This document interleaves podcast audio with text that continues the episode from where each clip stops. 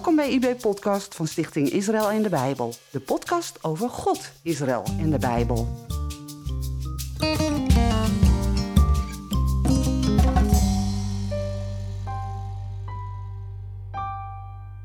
Mijn naam is Jacqueline Lohman en leuk dat je luistert naar onze nieuwe podcast. Vandaag ben ik in Waddingsveen, in het huis van Carina van Wijk. Carina houdt van de God van Israël, van zijn volk en van kinderen. Een goede combinatie voor een kinderwerker van Israël en de Bijbel. De afgelopen jaren heeft ze gastlessen gegeven op scholen en in kringen, leskist samengesteld, lespakketten geschreven en nu is er dan ineens een gezinsbijbel. En dat is ook de belangrijkste reden van mijn bezoek aan Carina. Leuk dat ik hier even langs mocht komen, Carina. Gezellig, fijn dat je er bent. Jij bent al, al jaren betrokken bij het kinderwerk van Israël en de Bijbel. We gaan het natuurlijk uitgebreid hebben over de nieuwe gezinsbijbel, kinderbijbel.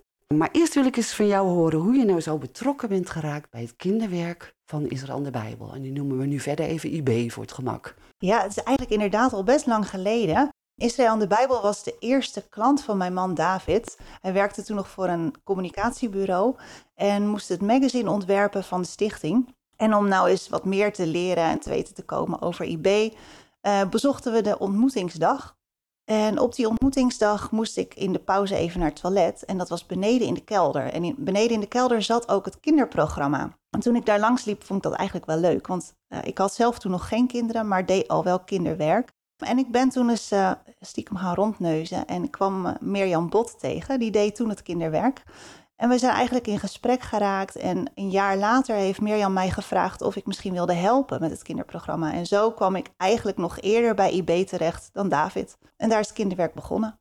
En toen uh, is het eigenlijk zo gegaan dat David is in 2015 bij de stichting gaan werken. Jij was al lang actief bij IB. Maar toen kwam er ook een vraag naar jouw kant op. Ja, dat klopt. Ja, Mirjam Bot was inmiddels uh, zelf al juf geworden en uh, eigenlijk niet meer zo uh, actief in het kinderwerk van IB. En het kinderwerk lag een beetje stil. Toen heeft Ton Stier mij gevraagd: joh, zou je het leuk vinden om het kinderwerk weer een beetje nieuw leven in te blazen? En dat vond ik wel leuk, dus dat heb ik gedaan. En nou ja, dan heb je zo'n vraag gekregen. Wat hield dat nou in? Kinderwerk nieuw leven inblazen? Er lagen al een paar lespakketten, die heeft Mirjam geschreven. En er was behoefte aan uh, wat nieuw materiaal. Dus ik ben eigenlijk begonnen met uh, eens kijken naar wat ligt er nu en wat kan er nog bij en wat moet er of kan er anders. Toen ben ik denk ik begonnen met het schrijven van nieuwe lespakketten. En op een moment kwam er een vraag van iemand: hebben jullie ook materiaal voor scholen, voor basisscholen? Toen ben ik daar eens naar gaan kijken. Um, en de Driestar heeft over allerlei uh, onderwerpen hebben ze leskisten staan. Toen dacht ik, oh, dat is misschien wel leuk om, uh, om vanuit IB ook aan te bieden. Toen ben ik de leskist gaan samenstellen. En die is ook uitgeleend aan basisscholen. En dat is een leskist rondom het thema Israël? Het thema Israël, ja. Er zit eigenlijk van alles in. Van, uh, nou, van een model van de tabernakel tot ja, menorah, mezuzah. Allemaal dat soort voorwerpen. En er zitten boeken bij. Er zit, um, er zit een pakket bij met ook lesbladen voor verschillende lessen. En die leskist is, is gratis? Of moeten ja. ze daarvoor betalen? Nee hoor, die is gratis te leen. En we hebben inmiddels naast de leskist ook nog een themakoffer en een spreekbeurtpakket. En wat is een themakoffer? Themakoffer, er zitten een heleboel dingen in rondom de Joodse feesten. Ja, die neem ik zelf ook graag mee naar gastlessen, want daar zijn inmiddels ook gastlessen uitgerold. Uh, en daar zit eigenlijk van alles in rondom het thema feest. En het spreekbeurtpakket is een soort uitgeklede en verzendbare versie van de leskist, die kinderen kunnen lenen voor een spreekbeurt, maar die in de praktijk ook heel veel wordt uitgeleend aan scholen die wat verder weg zitten, omdat die verzonden kan worden. Oh, Oké, okay. dus een soort, uh, soort gastles op afstand. Ja, zoiets. ja. Heel leuk. En dan is er ineens een gezinsbijbel. Nou, ineens. ja, dat... Uh... Vertel, vertel daar eens iets over. Waarom een nieuwe gezinsbijbel, een nieuwe kinderbijbel? Die vraag heb ik mezelf ook eerst uh, heel vaak gesteld. Waarom nou een nieuwe gezinsbijbel? Er zijn er al zoveel.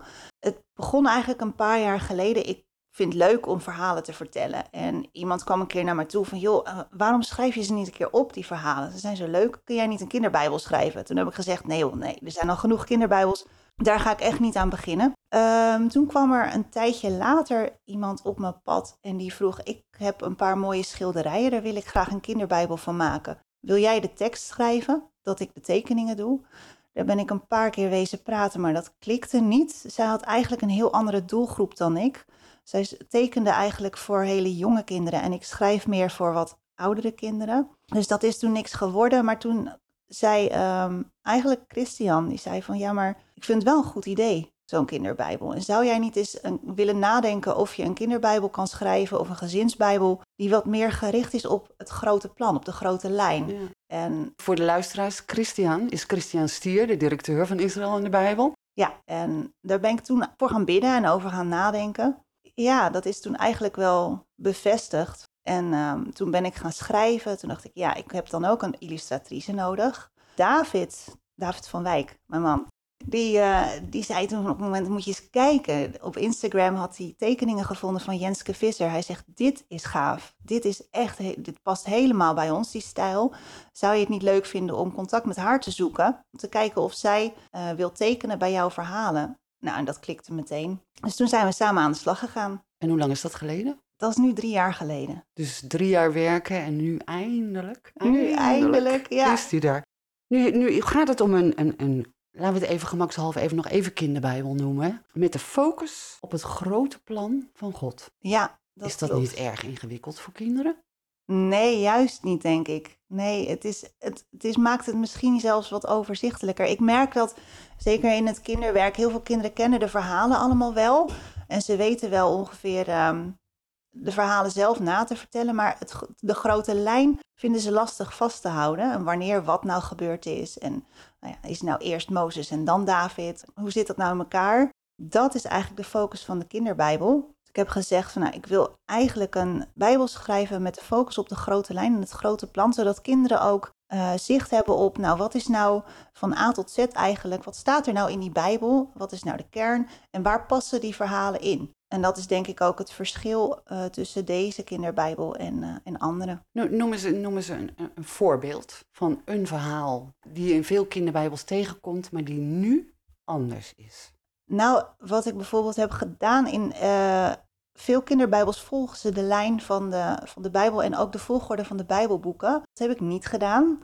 Ik heb de chronologische lijn genomen. Dus bijvoorbeeld de koningen en de profeten staan door elkaar. En die staan ook bij elkaar, de, de, profeet bij de koning waar die bij hoort, eh, in dezelfde tijd.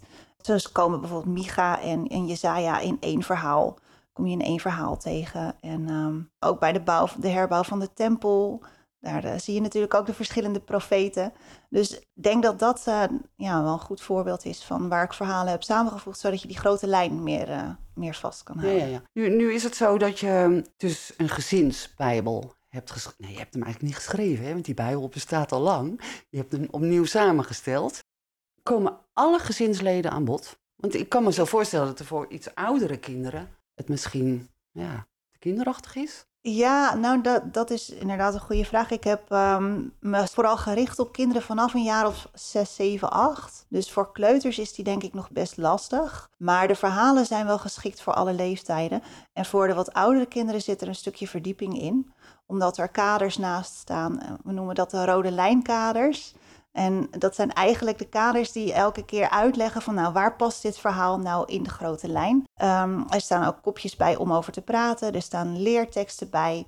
Eh, dus je kan eigenlijk als ouder kijken, nou doe ik alleen het verhaal, vertel ik alleen het verhaal of, of doe ik ook een stukje erbij van, om over te praten. Pak ik die rode lijnkaders erbij. Je kan er eigenlijk meer kanten mee op. Nu, nu heb ik ook gelezen dat behalve de rode lijnkaders, je dus ook beloofd is beloofd kaders, of, is dat hetzelfde? Nee, dat is niet hetzelfde. Dat is het Nieuwe Testament inderdaad. Er staan beloofd is beloofd kaders onder elk verhaal. En dat zijn de profetieën die in dat verhaal zijn vervulling vinden.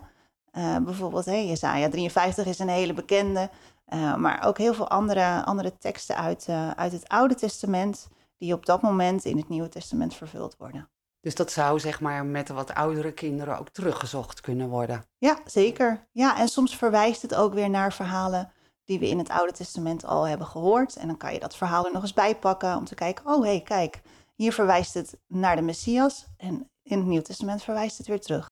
Waarom is het nou voor kinderen zo belangrijk om, je hebt in het begin al een beetje gezegd, de grote lijn te zien, maar ook de plaats van Israël te zien? God is natuurlijk in eerste instantie de God van Israël. En ik denk dat je God en Israël niet los kan maken van elkaar.